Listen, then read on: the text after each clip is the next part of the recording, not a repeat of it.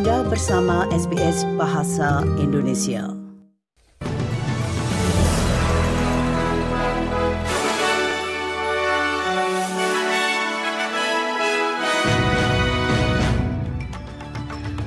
Warta berita SBS Audio untuk hari Senin tanggal 22 Januari.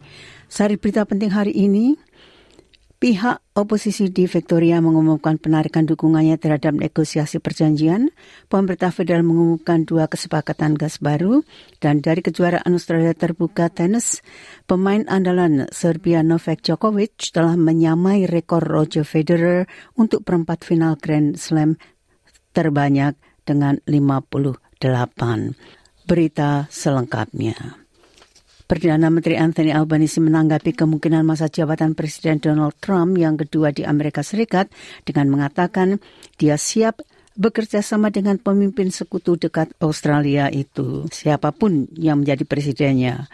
Hal ini menyusul berita bahwa Gubernur Florida Ron DeSantis telah keluar dari pencalonan presiden dari Partai Republik dan jajak pendapat CNN atau UNH terbaru menunjukkan Trump memimpin dengan 11 poin persentase dalam pemilihan pendahuluan berikutnya di New Hampshire.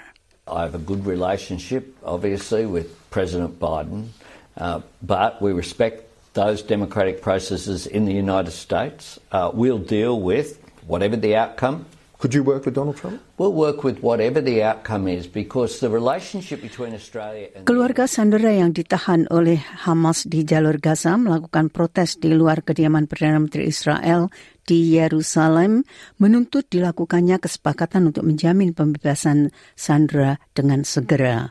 Ayah dari Hersh Goldberg Pauline yang diculik dan didokumentasikan dalam video dengan tangannya diamputasi mengatakan bahwa pemerintah Benjamin Netanyahu telah mengecewakan rakyat Israel. On the morning of October 7th, this government and this prime minister totally failed us. After 107 days, we are demanding that they fix Sementara itu, Premier Negara Bagian Victoria, Jacinta Allen, menanggapi pengumuman mengejutkan bahwa pihak oposisi akan menarik dukungan terhadap perjanjian dengan komunitas pribumi dengan mengatakan bahwa mereka tidak pernah menyatakan keprihatinan apa pun kepada pemerintahannya sebelumnya. Premier Allen mengatakan dia yakin keputusan itu dibuat pada awal bulan Oktober dan menuduh oposisi Victoria menahan posisi mereka dalam negosiasi perjanjian selama berbulan-bulan.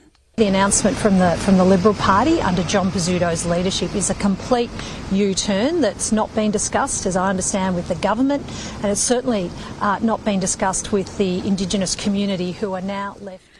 Menteri Energi Chris Bowen mengatakan dua kesepakatan gas baru yang diperkirakan akan memasok listrik ke pantai timur Australia selama dua tahun ke depan akan membantu Australia dalam transisi ke energi terbarukan.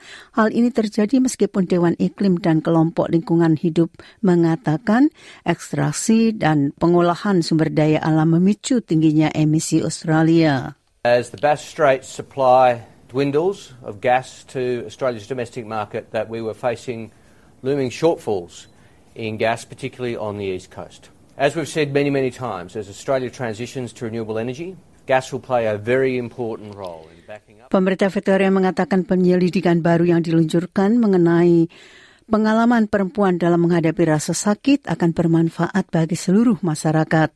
Victoria akan memulai penyelidikan setelah survei pemerintah menemukan bahwa sekitar separuh perempuan di negara bagian tersebut melaporkan kondisi terkait menstruasi yang mempengaruhi kesehatan dan kesejahteraan mereka dan sepertiganya memiliki kondisi kesehatan yang mempengaruhi kemampuan mereka untuk bekerja dan mempertahankan pekerjaannya.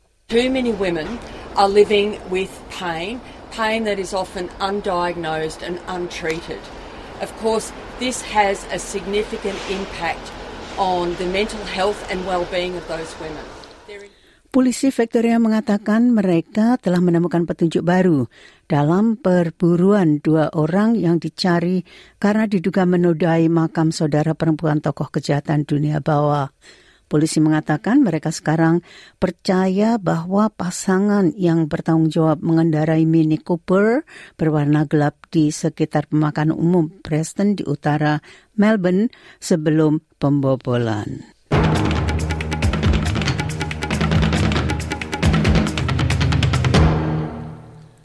Pemain andalan Serbia Novak Djokovic telah menyamai rekor Roger Federer untuk perempat final Grand Slam terbanyak dengan 58 kali setelah kemenangan dominannya atas petenis Perancis Adrian Manarino dengan angka 6-0, 6-0, 6-3. Petenis Prancis peringkat nomor 20 itu tidak mampu menandingi kemampuan Djokovic dengan petenis Serbia itu tampak berada dalam formula terbaiknya menjelang pekan terakhir Australia terbuka.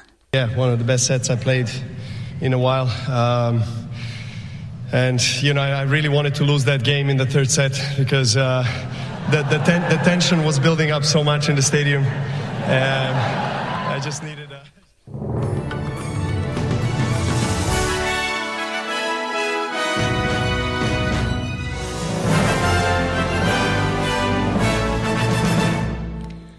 Sekali lagi seri berita penting hari ini, pihak oposisi di Victoria mengumumkan penarikan dukungannya terhadap negosiasi perjanjian. Pemerintah federal mengumumkan dua kesepakatan gas baru dan dari kejuaraan Australia terbuka tenis, pemain andalan Serbia Novak Djokovic telah menyamai rekor Roger Federer untuk perempat final Grand Slam sebanyak 58 kali. Sekian Warta Berita SBS Audio untuk hari Senin tanggal 22 Januari.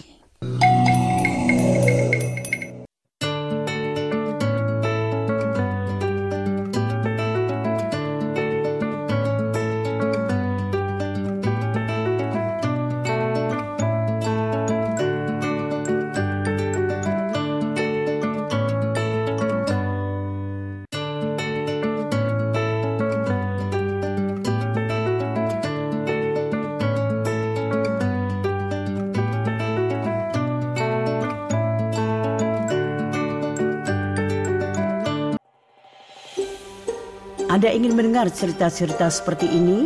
Dengarkan di Apple Podcast, Google Podcast, Spotify, atau di mana pun Anda mendapatkan podcast Anda.